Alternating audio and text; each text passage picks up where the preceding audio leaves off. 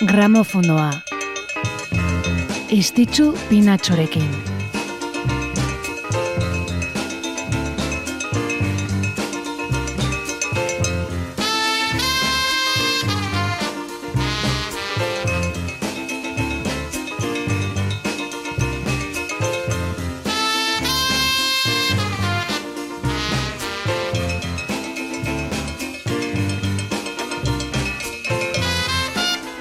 Gabon, Gabon eta urte berri hon. 2008 iruan sartu ginen eta urte berriko lehen saioa dugu hau. Egu berritan eh, atxeden hartu ondotik, eh, opor egun batzu ez disfrutatuz, bueltan gara, indar berrituta gogotxu, musika berri piluarekin eta efemeriden zerrendak bete-bete ditugula. Urtarrilak ameka ditu gaur, eta izen handiko musikari batzuk gogoratuko ditugu gaur hemen gramofonoan, bertze batzuk zoriontzeko parada ere izanen dugu, tartean etxekoren bat, eta hori guzia musika onarekin lagundurik, beraz, gelditu gurekin hemen gramofonoan, naiz irratian. La chiamavano bocca di rosa, metteva l'amore, metteva l'amore. La chiamavano bocca di rosa, metteva l'amore sopra ogni cosa. Appena scesa alla stazione del paesino di Sant'Ilario, tutti s'accorsero con uno sguardo che non si trattava d'un missionario. C'è chi l'amore lo fa per noia, chi se lo sceglie per professione. Bocca di rosa nell'uno nell'altro, lei lo faceva per passione. Ma la passione spesso conduce a soddisfare le proprie voglie, senza indagare se il concupito ha il cuore libero oppure a moglie. E fu così che da un giorno all'altro Bocca di Rosa si tirò addosso l'ira funesta delle cagnette a cui aveva sottratto l'osso. Ma le comari d'un paesino non brillano certo in iniziativa, le contromisure fino a quel punto si limitavano all'invettiva.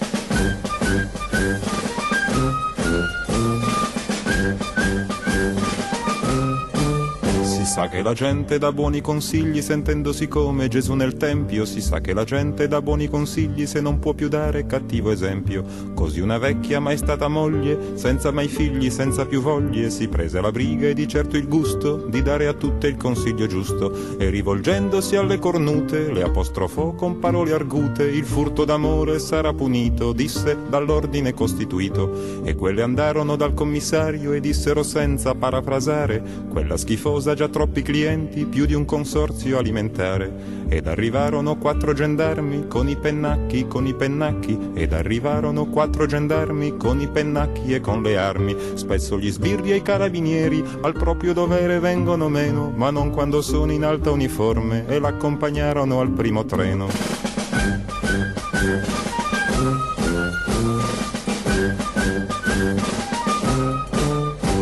Alla stazione c'erano tutti, dal commissario al sacrestano. Fabrizio de Andrerekin hasi dugu saioa italiaraino bidaiatuz. Kantautore eta poeta italiarra izan zelako bera. Bere herrialdeko musikaririk garrantzitsuenetako bat, Fabrizio de Andre. Mila bederatzerun da berrogeiko otxailaren emezortzean jaio zen, Genovan, eta larogeita emeretziko urtarrilaren amekan hiltzen gaixotasun baten ondorioz. Gaur hogeita la urte beraz. Fabrizio Di Andre berrogeita amargarren amarkadaren amaieran hasi zen musika konposatzen eta irurogeita seian kaleratuzun bere lehen albuma. Bere ibilbidean zehar estudioko hogei album bino gehiago grabatu zitun eta italiar musikako abesti ezagun eta miretxienetako batzuk idatzi zitun. Tartian lagantzone del amore perduto, Don Rafae edota aditzen ari garen Boca di Rosa hause. Bere musika letra sakon eta poetik politikoengatik eta konpromiso sozial eta politikoagatik beresi zen. Fabrizio Di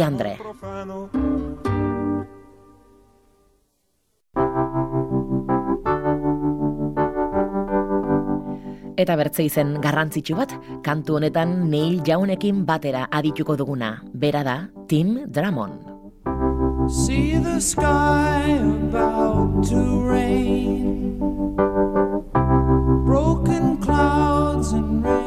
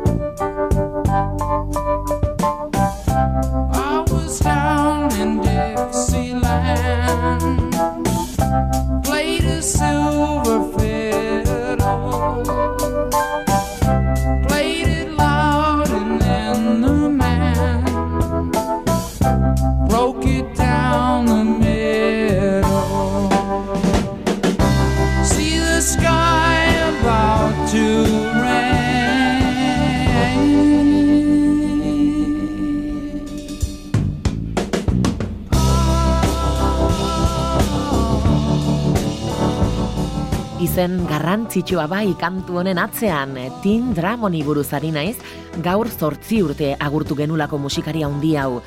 Musikari eta disko ekoizlea, estatu batu bera Tim Dramond. Munduko artista ospetsunetako batzuekin lan egindakoa, bertzeak bertze, Bob Dylan, James Brown, edota hemen aditzen dugun bezala Neil Jaunekin. Mila bederatzeron da berrogeita lauko abenduaren amazazpian jaio zen, Kansas City, Misurin, eta estudioko musikaria izan zen basu jolea, bortze amarkada bino gehioz. Bino musikari gisa egindako lanaz gain, John Hyatt edota Southside Johnny bezalako artistentzako diskoak ere ekoitzi zitun. Genero ezberdinetara egokitzeko izandako erraztasunagatik izan zen miretsia Tim Drummond. Rock, pop, blues, soul, estilo ezberdinetan bikainekoa. Tim Drummond.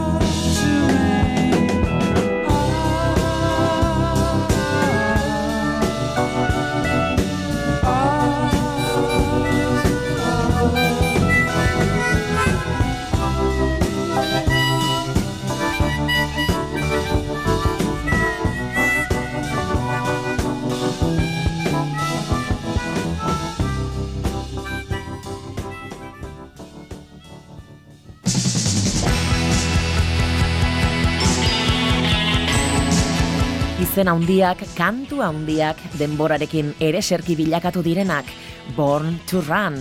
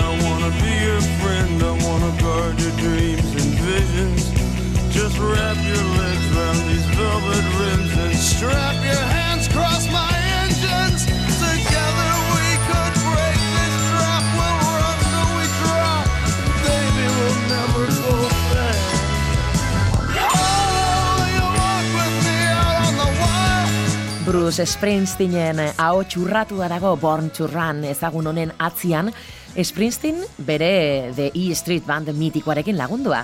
Eta bertan gaur omendu nahi dugun musikari hoietako bat. Clarence Clemons, eh, saxofoi jole ezaguna Clarence Clemons, segidan kantu honen lehen lerroan adituko duguna.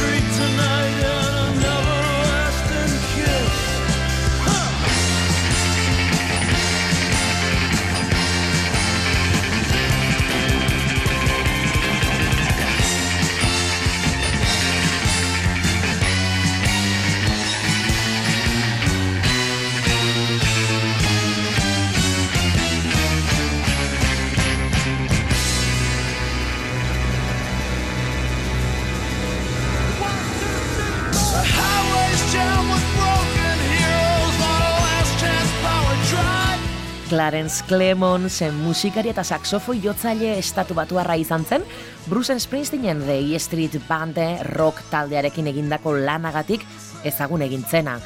Mila bederatzeren da berrogeita biko urtarrilaren amekan jaio zen Virginian, eta bi mila amekako ekainaren emezortzian hiltzen, belauneko kirurgia batek eragindako komplikazioen ondorioz. Clemons, Springsteenen taldeko funtsezko kidea izan zen, lau amarka da bino gehioz, eta Springsteenen album arrakastatxuenetako batzuetan jozun, Born to Run honetan, edota Born in the USA albumean bertzeak bertze. E Street Banden egindako lanaz gain Clemonsek bakarkako diskoak ere grabatu zitun, eta bertze rock eta pop artista batzuekin ere kolaboratu zuen. Clarence Clemons.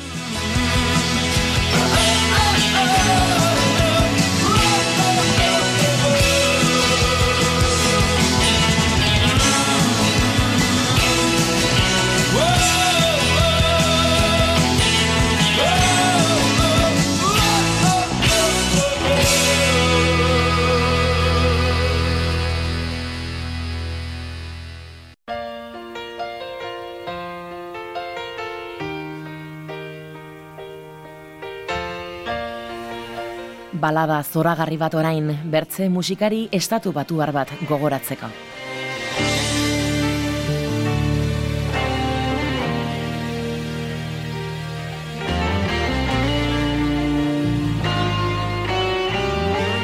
Breaking up is easy. Like to know what's hard about it. First you find yourself with love, then you find yourself without it. There's really nothing that you have to do. It just sort of happens to you. You can be a loser, even if you don't like the part. Just be very careful not to let the habit start. Cause if you're a loser, you know it's true. It shows up in everything you do. But this ain't no time for pity, time for being cool and witty. Wish her the best and send her on away. I do believe that's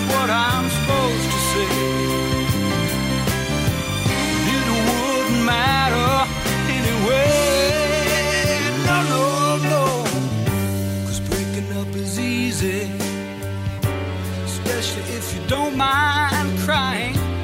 You can say it's easy. That's if you don't mind lying. You can live without her. But it's a lot like dying. Breaking up is easy to do.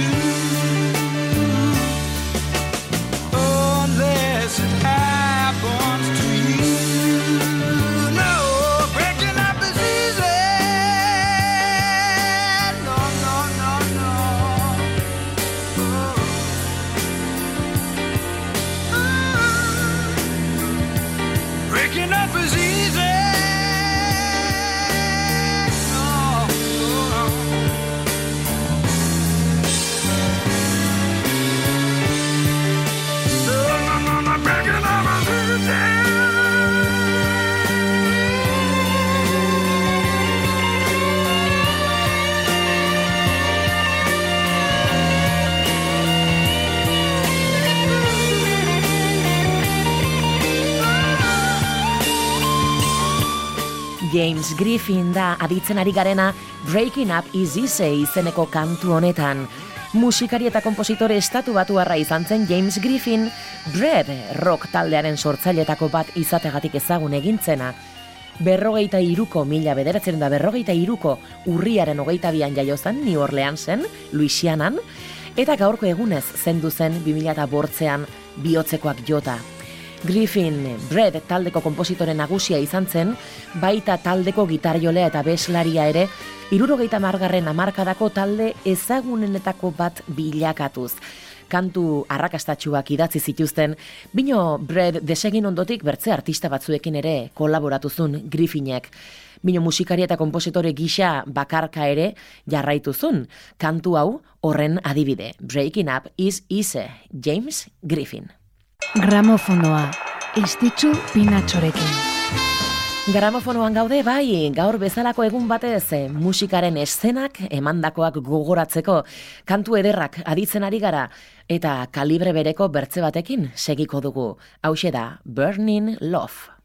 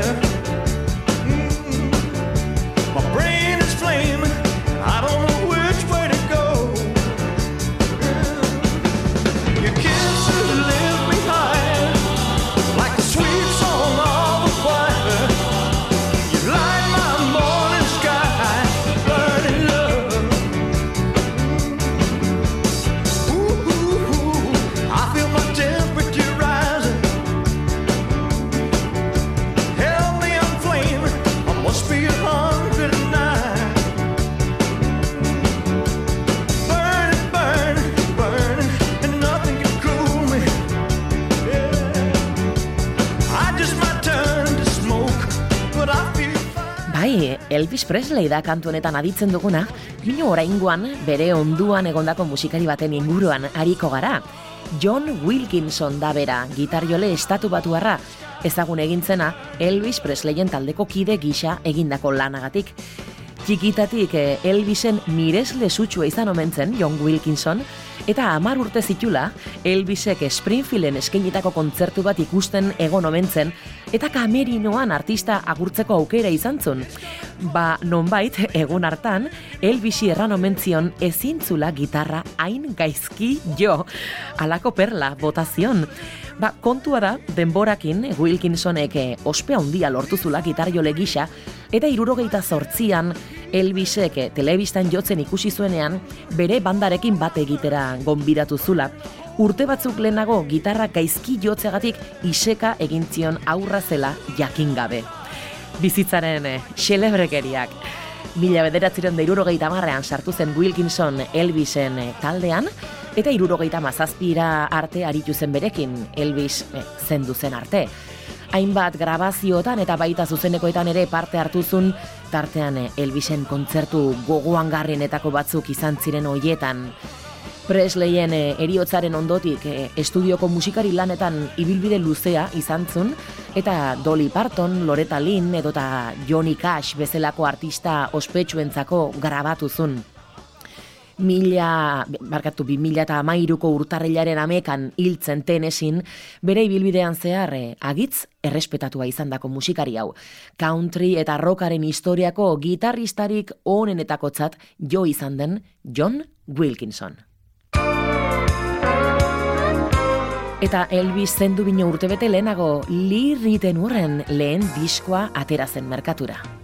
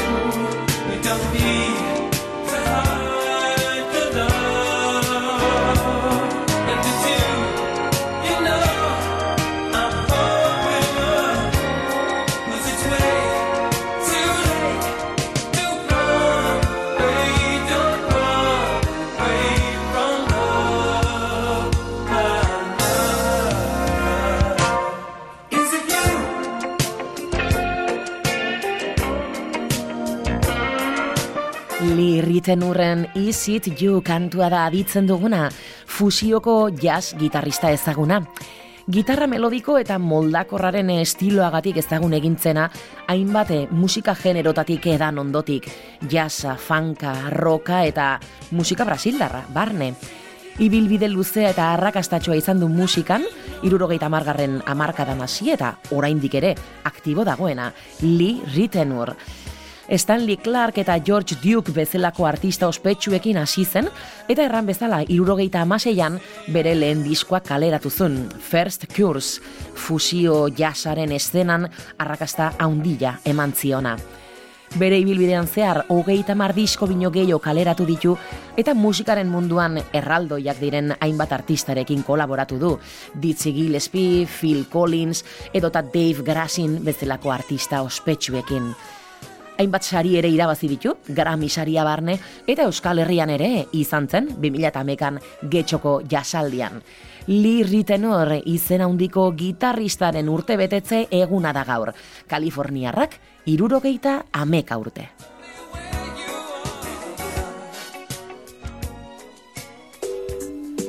Bertze urte betetze batekin segiko dugu melodia ezagun honen laguntzaz.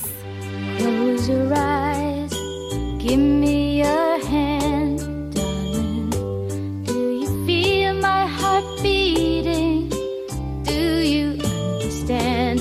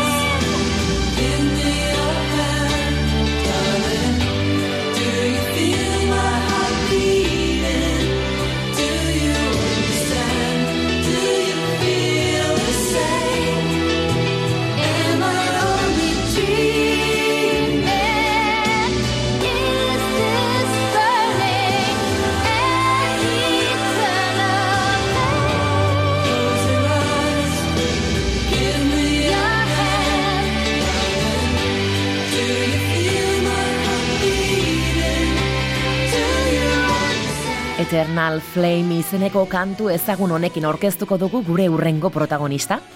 Vicky Peterson, abeslari eta gitarrista estatu batuarra, The Bangles eh, rock taldea sortu zuenean izautu genuna. The Bangles laro gehi eta laro margarren amarkadetako rock taldea izan zen, eta arrakasta haundila izan zuten zerrendetan horrelako kantuak aurkeztu zituztenean. Mino Banglesekin egindako lanaz gain, Vicky Peterson bakarka ere aritu izan da, eta bertze artista batzuekin kolaboratu izan du. Bueno, eta horretaz gain, produktore gisa ere lan egindakoa da. Biki Petersonek beraz, gaur, irurogeita, iru urte.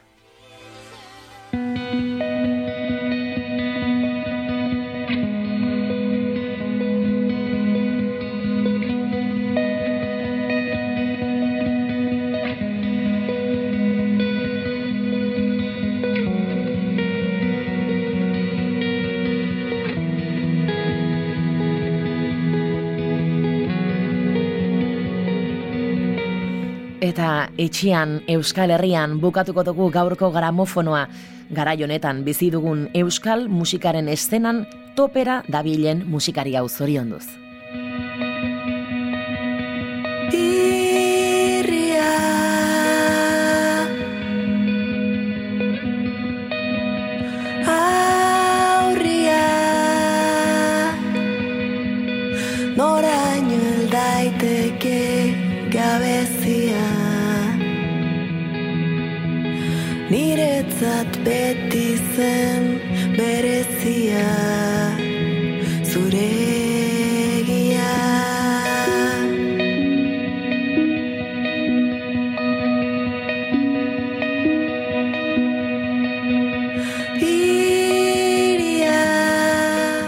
Gaurko egunekoa dugu Olatz Salvador bai, urtarrilaren amekakoa.